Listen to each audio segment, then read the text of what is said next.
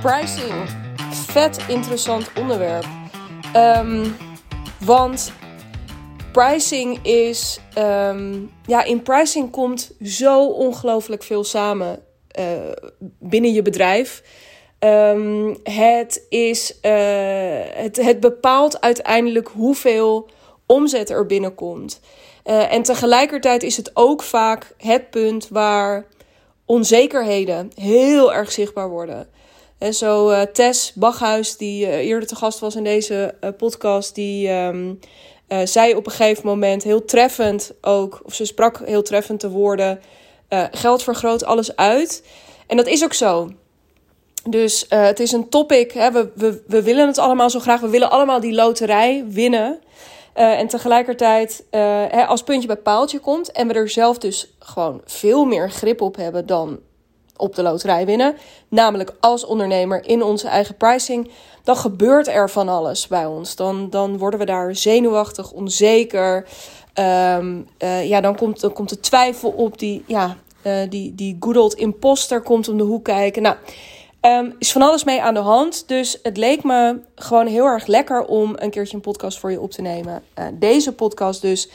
Uh, waarin we het hebben over wat, ja, wat maakt aanbod nou veel waard? En dat leek me een mooie vraag om te stellen, omdat uiteindelijk hoe uh, waardevoller je een aanbod kunt vormgeven. Want ja, natuurlijk, je kunt technisch gezien overal een, uh, um, hè, een, een, een prijskaartje van een ton aanhangen of vijf ton. Maar ja, ik weet niet, je moet wel een hele bijzondere pizza bakken. Uh, of een heel bijzondere blogpost schrijven. Wil je daar een half miljoen voor kunnen vragen? Dus de vraag is, um, waar zou je dat wel voor kunnen vragen? Hè? Met andere woorden, wat, wat maakt aanbod nou veel waard? Um, en uh, er zijn twee factoren waar ik uh, met je naar wil kijken in deze podcast. Maar niet voordat ik iets heb gezegd ook over um, ja, die waarde. En wat daar nou zo ingewikkeld mee is en waarom dat ons nou zo raakt. En uh, dat heeft te maken met het feit dat op het moment dat je jezelf als, ja, ik zeg maar even eenpitter, of hè, ik ben in principe ook een eenpitter. Ik heb best nog wel een schil van verschillende mensen om me heen. Uh, voor mijn financiën bijvoorbeeld, mijn VA, event manager en zo. Maar alsnog, ik ben een kleine zelfstandig ondernemer. Um, en dat ben jij waarschijnlijk ook als je deze podcast luistert. Um, op het moment dat je he, je waarde dus niet meer gaat omrekenen in uren. Heel belangrijk, want daarvoor uh, luister je natuurlijk naar mij. Maar zodra je dat niet meer gaat doen, wat bepaalt dan wel die waarde? En vooral, waarom is die vraag zo ingewikkeld? Omdat die raakt bijna aan de vraag: wat ben ik waard? En nou, A is. Uh, die vraag is amper te. Of die vraag is gewoon niet te beantwoorden. Want ja, alles natuurlijk. Jij als mens. Uh, daar is helemaal geen prijskaartje op te plakken. Um, uh, jij als mens kijkt naar jezelf waarschijnlijk honderd keer kritischer dan iemand anders. Dus de kans dat je jezelf te laag inschat is, het, terwijl je eigenlijk alles waard bent en het dus eigenlijk heel hoog zou zijn, je zult jezelf altijd een beetje lager inschatten. Uh, de vraag dus wat jij waard bent is een hele ingewikkelde. Maar wat is dan wel een graadmeter en hoe denk je er dan wel over na zonder het um, heel erg persoonlijk te maken? Want ja, natuurlijk ben je, en dat siert je ook ontzettend, dat maakt een integere ondernemer van je, ben je ook kritisch op, ja, is, het, is dit voldoende, is dit goed genoeg om daar bedrag X voor te vragen? Um, heel interessant is ook, als je gaat nadenken, dat maakt het ook ingewikkeld over waarde, dat we dingen al heel snel heel veel geld vinden. En ik denk dat dat ook iets heel Nederlands is. Um, He, dus uh, ik, ja, zonder heel erg met clichés te willen strooien, maar ik denk dat wij ook best wel uit een Calvinistische traditie komen, waarbij we het ingewikkeld vinden om, of relatief ingewikkeld vinden vaak, om in wat grotere um, ja, orders van grootte te denken. Dus uh, he, waar we, um, we, we vinden dingen al snel duur, gewoon eigenlijk, punt. He, we staan Europees gezien natuurlijk ook bekend als een beetje de kniepers van, of wereldwijd ook bekend als de, als de, de, grote kniepers. Hè, niet voor niets was het de, de, wat was het ook, de, als de koopman met de Bijbel in de hand. Nou ja, anyway, het, dus wel, we, we hebben wel een handelsgeest, maar we zijn ook op de centen. En Going Dutch is niet voor niets een spreekwoord um, dat naar ons refereert. Maar goed, dus er zitten een aantal complicerende factoren aan. Omdat het een uitdaging kan zijn om die vraag van die waarde los te trekken van A, wie je bent. Want je waarde bepalen gaat dus niet over wie je bent, maar over wat je doet. Maar als je, you cannot read the label from inside the jar. Dus het is lastig om um, ja, dat vanuit jezelf helemaal los te koppelen. Maar daar ga ik je toch handvaten, uh, handvatten uh, voor geven in deze podcast. Um, ja, en we zijn dus, nog even los van dat we de label niet kunnen readen, zijn we ook nog eens een keertje best wel kritisch op onszelf. En is onze blik dus cultureel ook een beetje vertroebeld op um, hoe, ja, maar dat is toch wel heel erg veel geld.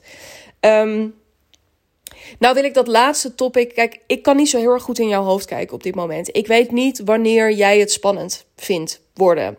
Ik weet nog dat mijn business coach op een gegeven moment een aantal jaar geleden aan mij vroeg van joh, um, ja, kun je het je voorstellen om een aanbod van 20.000 euro vorm te geven? Dat ik echt, nou, nog net geen vlekken in mijn nek kreeg. Dat ik dacht, jij bent gek. Um, Inmiddels zit ik daar overheen. Dus dat is heel interessant. Maar ik kon toen niet verder kijken. Bijvoorbeeld überhaupt me niet voorstellen dat ik iets zou verkopen dat meer dan 10.000 euro waard zou zijn. Misschien 12, heel misschien 15, maar zeker geen 20. Um, dus dat perspectief is er ook gewoon eentje. Ik kan dat niet zo goed voor je um, besluiten op dit moment. Het wel interessant om voor jezelf eens over na te denken. Gewoon eens wat bedragen ook op te schrijven en te kijken, oeh, waar, waar vind ik het spannend worden? Um, dus ik ga nu ook even. Ik ga met een aantal bedragen waarschijnlijk smijten in deze podcast. Die verder nog niet zo heel erg veel uh, zeggen over wat je zou moeten ambiëren. Waar je al mindset-wise of whatever zou moeten zijn. Um, het is even voor de sake of the example. En zodat ik deze podcast voor je kan maken. Uh, maar als jij het bijvoorbeeld spannend vindt worden bij 7.500 euro, bij 15.000 euro, uh, misschien ook pas bij 80, 150.000 euro, ik weet het niet. Uh, maar neem dan, uh, vervang dan even het bedrag wat ik noem voor dat bedrag. Dat wou ik maar even gezegd hebben. Maar goed. Um, antwoord op die vraag. Wat maakt aanbod nou veel waard? Stel, jij wil als uh, copywriter, wil je... ja, ik noem maar eventjes, dat is toevallig het pad wat ik zelf heb bewandeld. Um, maar ja, misschien is copywriter ook helemaal geen fantastisch uh, voorbeeld. Maar laat gewoon om het even zo concreet mogelijk te kunnen maken. Um, nee, laat ik het voorbeeld van een uh, designer gebruiken. Want dan kan ik er zo meteen, hoef ik niet te graven naar een voorbeeld. Um, stel, je bent designer. En uh, jij wil een. Jij maakt logo's. Jij maakt fantastische logo's voor bedrijven. Um, dan uh, kun je, hè, als je jezelf de vraag zou stellen, en ik uh, ga meteen eventjes voordat ik uh, plagiaat verweten krijg. ik ga je een voorbeeld gebruiken dat ik weer heb opgepikt bij de fantastische Chris Doe, wat ik heel graag gebruik ook in sessies die ik doe. Dus als je me wel eens een praatje hebt zien houden, heb je het misschien ook alles zien gebruiken. maar deze herhaling kan echt geen kwaad. Ik vind het gewoon een fucking goed voorbeeld. Um, dus uh, ik ga hem deze keer ook weer gebruiken. Um, stel je voor, je bent dus een hele goede logo-ontwerper. Um, dan kun je jezelf de vraag gaan stellen: Nou, wat is zo'n logo van mijn hand waard? Um, nou, ik weet niet hoe het met jou zit. Ja, ik weet niet. Ik zou hier kunnen beargumenteren. Nou ja, zo'n logo is uh, uh, 500 euro waard. Noem maar even iets. Maar ik zou me ook kunnen voorstellen heel goed zelfs dat er logo-ontwerpers zijn die um, voor een ton of meer logo's ontwerpen. Hoe kan dat? Hoe kan het dat er verschil zit tussen de een en tussen de ander? Dat heeft alles te maken met um, als startpunt niet nemen wat doe je, maar voor wie doe je dat? als je je aandacht kan shiften daarin, dan ontstaat er heel veel ruimte voor je. om dit voorbeeld even verder door te voeren en om ehm, dus nog een keer duidelijk te maken um, hoe dat zit in het, in het geval van die logo-ontwerper. Um, kun je je voorstellen dat als ik hier naar de bakker op de hoek zou gaan, of als die persoon naar de bakker op de hoek zou gaan, dat uh, die zullen zeggen: Nou, poepoe, 500 euro, dat vind ik. Uh, nou, dat, nou, laten we het doen. Maar ik vind het ook best een uitgave en ik vind het ook best spannend. Maar laten we het doen. Als diezelfde logo-ontwerper ervoor zou kiezen om niet naar de bakker op de hoek te gaan, maar naar, ik noem maar iets, uh, Booking.com, Nike, uh, Ahold, Heineken um, of een andere grote speler, dan kun je je voorstellen dat ze je niet eens uitnodigen als je 500 euro vraagt, omdat je dan helemaal geen serieuze partij bent. Sterker nog, dat jij rustig tienduizenden euro's voor een volgend logo of hè, voor jouw strategische werk en die rebranding zou kunnen vragen. Omdat dat logo, en hier zit de crux, dus de crux zit hem in voor wie ben je er? En daar voel je verschil in. Wat is dat verschil? Dat is een verschil in belangen. En voor iemand voor wie de belangen, de stakes, zoals ze dat in het Engels zo mooi zeggen, waar de belangen groot zijn, die zullen, um, die zullen heel graag met iemand willen werken die dat aan kan, die dat snapt. Dus kies voor een doelgroep. Dus wat maakt in dit geval het aanbod van een, een nieuw logo? Wat maakt dat veel waard? Is dat je dus kiest voor een partij bij wie de belangen het grootst zijn. Um, betekent dat dan dat je zomaar, als je al 30 jaar logo's voor bakkers ontwerpt, je gewoon van vandaag op morgen kan zeggen: Ja, dan kies ik gewoon voor Heineken. En dan, uh, uh, nou, dan zijn we helemaal klaar, toch? Ja, um, wat belangrijk is om jezelf goed te kunnen verkopen, ook daadwerkelijk. En om daar binnen te komen, is dat je ook kunt laten zien uh, dat je die belangen kent.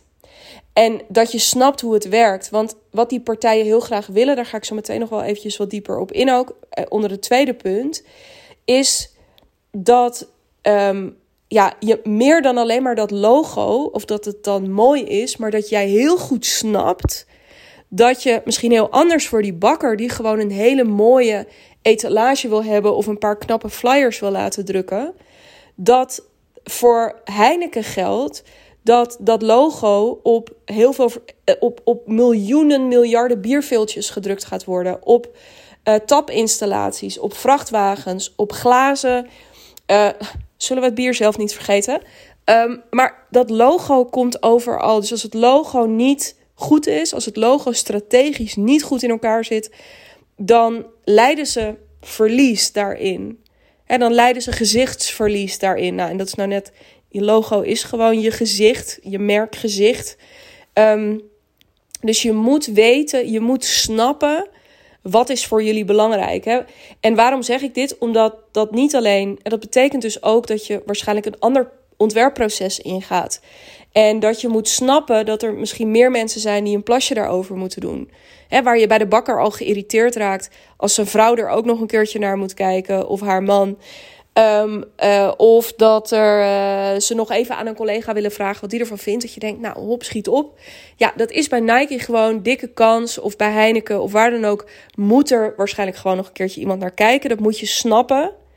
Um, en uh, daar moet je mee om kunnen gaan. Um, dus die belangen moeten groot zijn. Hè, er moet je kunt je voorstellen als daar, ja, als het logo niet werkt en niet overkomt. Denk bij Heineken bijvoorbeeld ook aan voetbalwedstrijden of andere sportwedstrijden, Formule 1, waar dat groot in beeld is. Um, als daar iets niet in goed gaat, dan, dan zijn er ja, gewoon merktechnisch, omzettechnisch. Um, dat gaat enorm veel doen. Gaat voelbaar zijn. Dus het moet goed zijn. Dus wat maakt, even het belangrijkste van wat je aanbod veel waard maakt, is dat je gaat werken. Of dat je werkt met partijen voor wie. En ik, ik maak natuurlijk nu even. Betekent dat dat je allemaal voor corp. Ik maak mijn zinnen soms niet af, hè? heftig. Betekent dat dat je allemaal voor corporates moet gaan werken? Nee, zeker niet. dit kan ook heel goed werken bij een goede doelenorganisatie. kun je natuurlijk ook voorstellen dat de budgetten daar wat lager zijn. Maar dat is dan weer een andere afweging die je maakt als je dat belangrijk vindt. Ehm, maar je kunt ook gaan werken met wat kleinere start-ups. Of dat je zegt, ik wil juist met uh, duurzame modemerken... die uh, hele ambitieuze go-to-market um, strategieën, plannen hebben liggen. Um, ja, er is, er, er is van alles wat er hier onder die belangen kan vallen. Maar je zult wel merken dat het best een vuistregel is. Um, dus het is niet zo dat je alleen dus veel geld kunt gaan verdienen als je voor de Heinekens op deze wereld gaat werken. Maar het helpt wel. Uh, ik ga daar ook niet heel uh, schimmig over doen. Uh, het helpt wel als je um, voor. Het hoeft niet per se corporate te zijn, kan ook overheid zijn. Het kunnen ook grotere onderwijsinstellingen zijn. Maar dat je zodra je bij wat grotere partijen aan boord komt, dat daar simpelweg ook meer budget is um, uh, om jou binnen te halen. Maar goed, dat budget zullen ze nog steeds niet aan jou besteden op het moment dat uh, de belangen niet heel groot zijn om dat probleem te fixen waar jij de oplossing voor hebt. Um, en ook niet op het moment dat zij niet zien van, oh ja, maar jij snapt ons. Sterker nog, jij bent er misschien wel helemaal voor ons. Om je daarin een klein beetje te illustreren, um, mijn sales gaat veel soepeler sinds ik een jaar of twee, drie geleden heb gekozen om met freelancers te gaan werken. Dus mensen die op uurfactuurbasis werken. Dat maakt, en daardoor heb ik helemaal, ook in mijn marketing, maar ook in mijn sales, kan ik laten zien, ik spreek jullie taal. Um, ik ben er echt voor jullie. Er zijn misschien andere mentoren, business coaches, strategen die voor een bredere doelgroep uh, ondernemers zijn. Maar ik ben nu mezelf zo aan het positioneren dat um, ja, uh, men ook weet: um, ik ben er voor jou. Dus, nou, dat wilde ik daar nog eventjes aan toevoegen. Dus belangen groot en jij kent ze. Een andere factor die aanbod heel veel waard maakt, is hè, de, uh, waar het vaak over gaat als het om pricing gaat, is dat ja, je wil uh, resultaatgedreven werken. Nou, ben ik het ook helemaal mee eens. Hè? Dus in plaats van dat je gewoon maar een beetje een capaciteitsprobleem opvangt, door, um, hè, want daarvoor is uurfactuur vaak prima. Dat je even invliegt een tijdje in een organisatie. Um, bijvoorbeeld een zwangerschapsverlof opvangt. Of een tijdelijk tekort in een team opvangt. Um, dat is ook gewoon een soort medewerkersrol. Dus uh, nou dit is misschien wel een interessante om los een keer een podcast over op te nemen. Maar op het moment dat jij echt met die oplossing komt, bijvoorbeeld als logomaker van ja, ik kom gewoon voor jou echt een uh, vet logo uh, ontwerpen, dan um, kun je natuurlijk in je marketing, in je messaging, kun je um, het heel erg hebben over um, wat het je klant oplevert. Dus wat het resultaat daarvan is.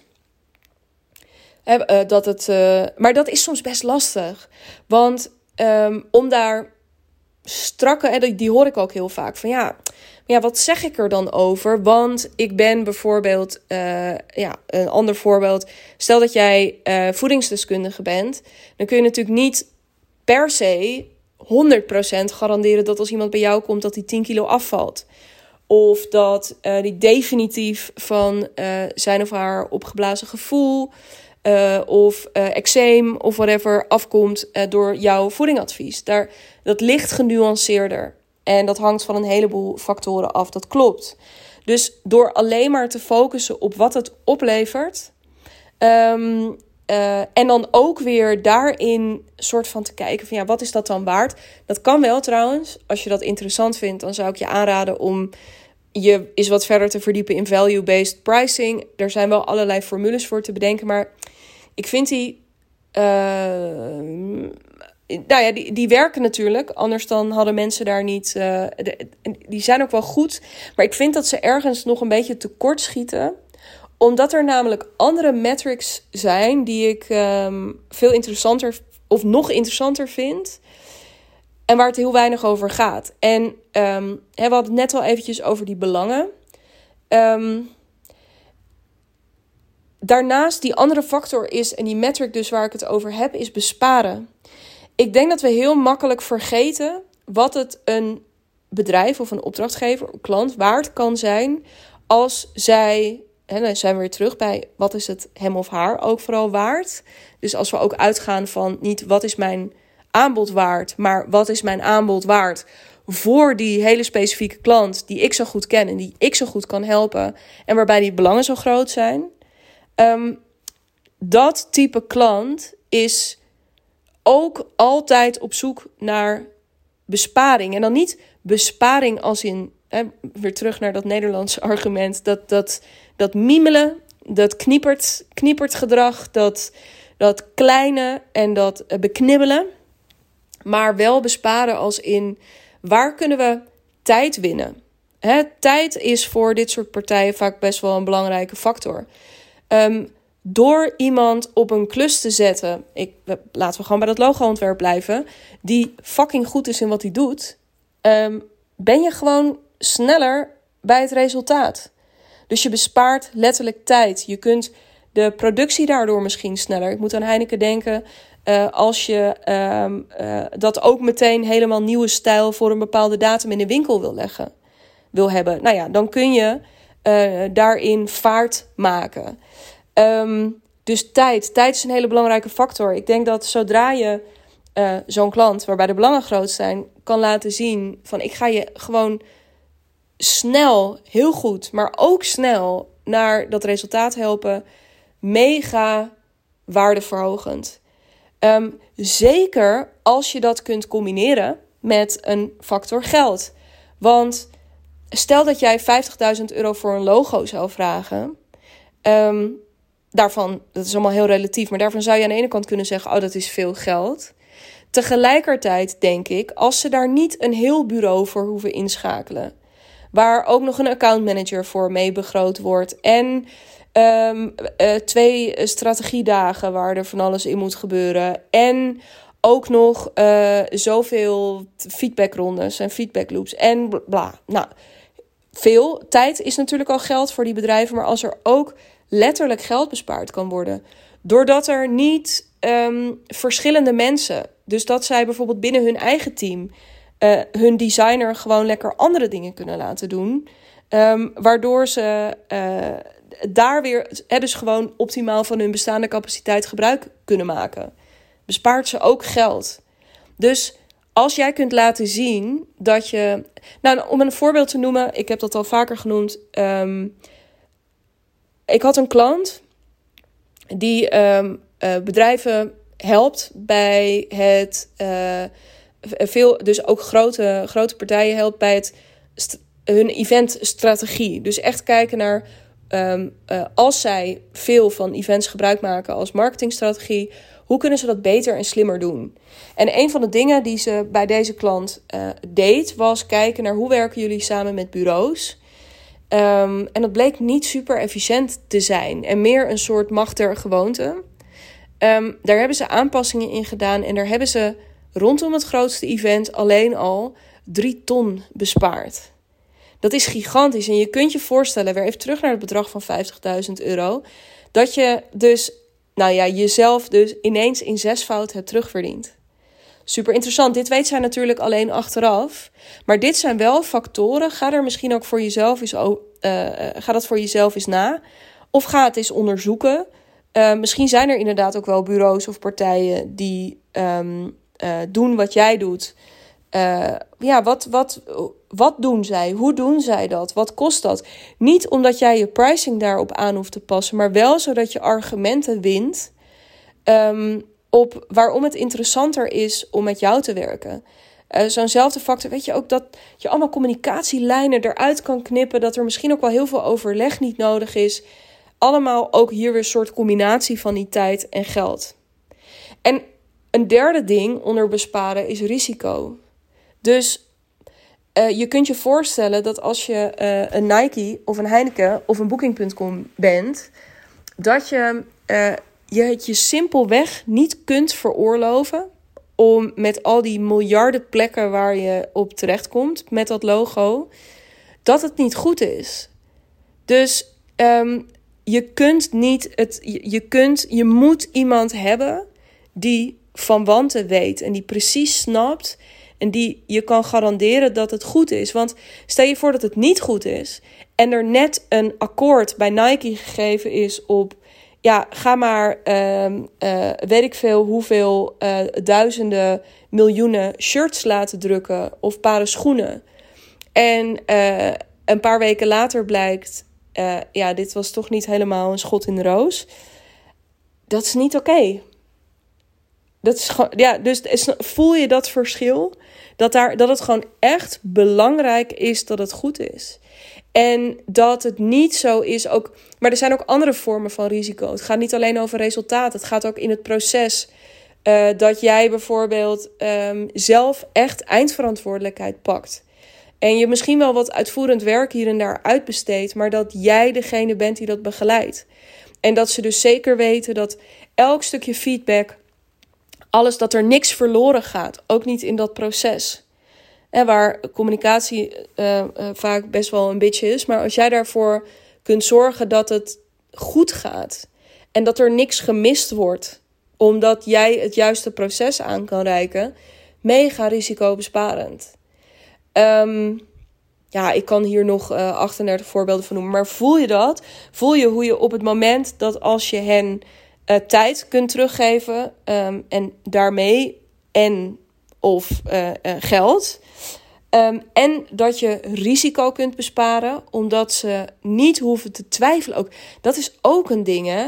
Wat, je, kun je voelen hoe lekker het is voor jouw klant als je echt kunt zeggen: laat het los.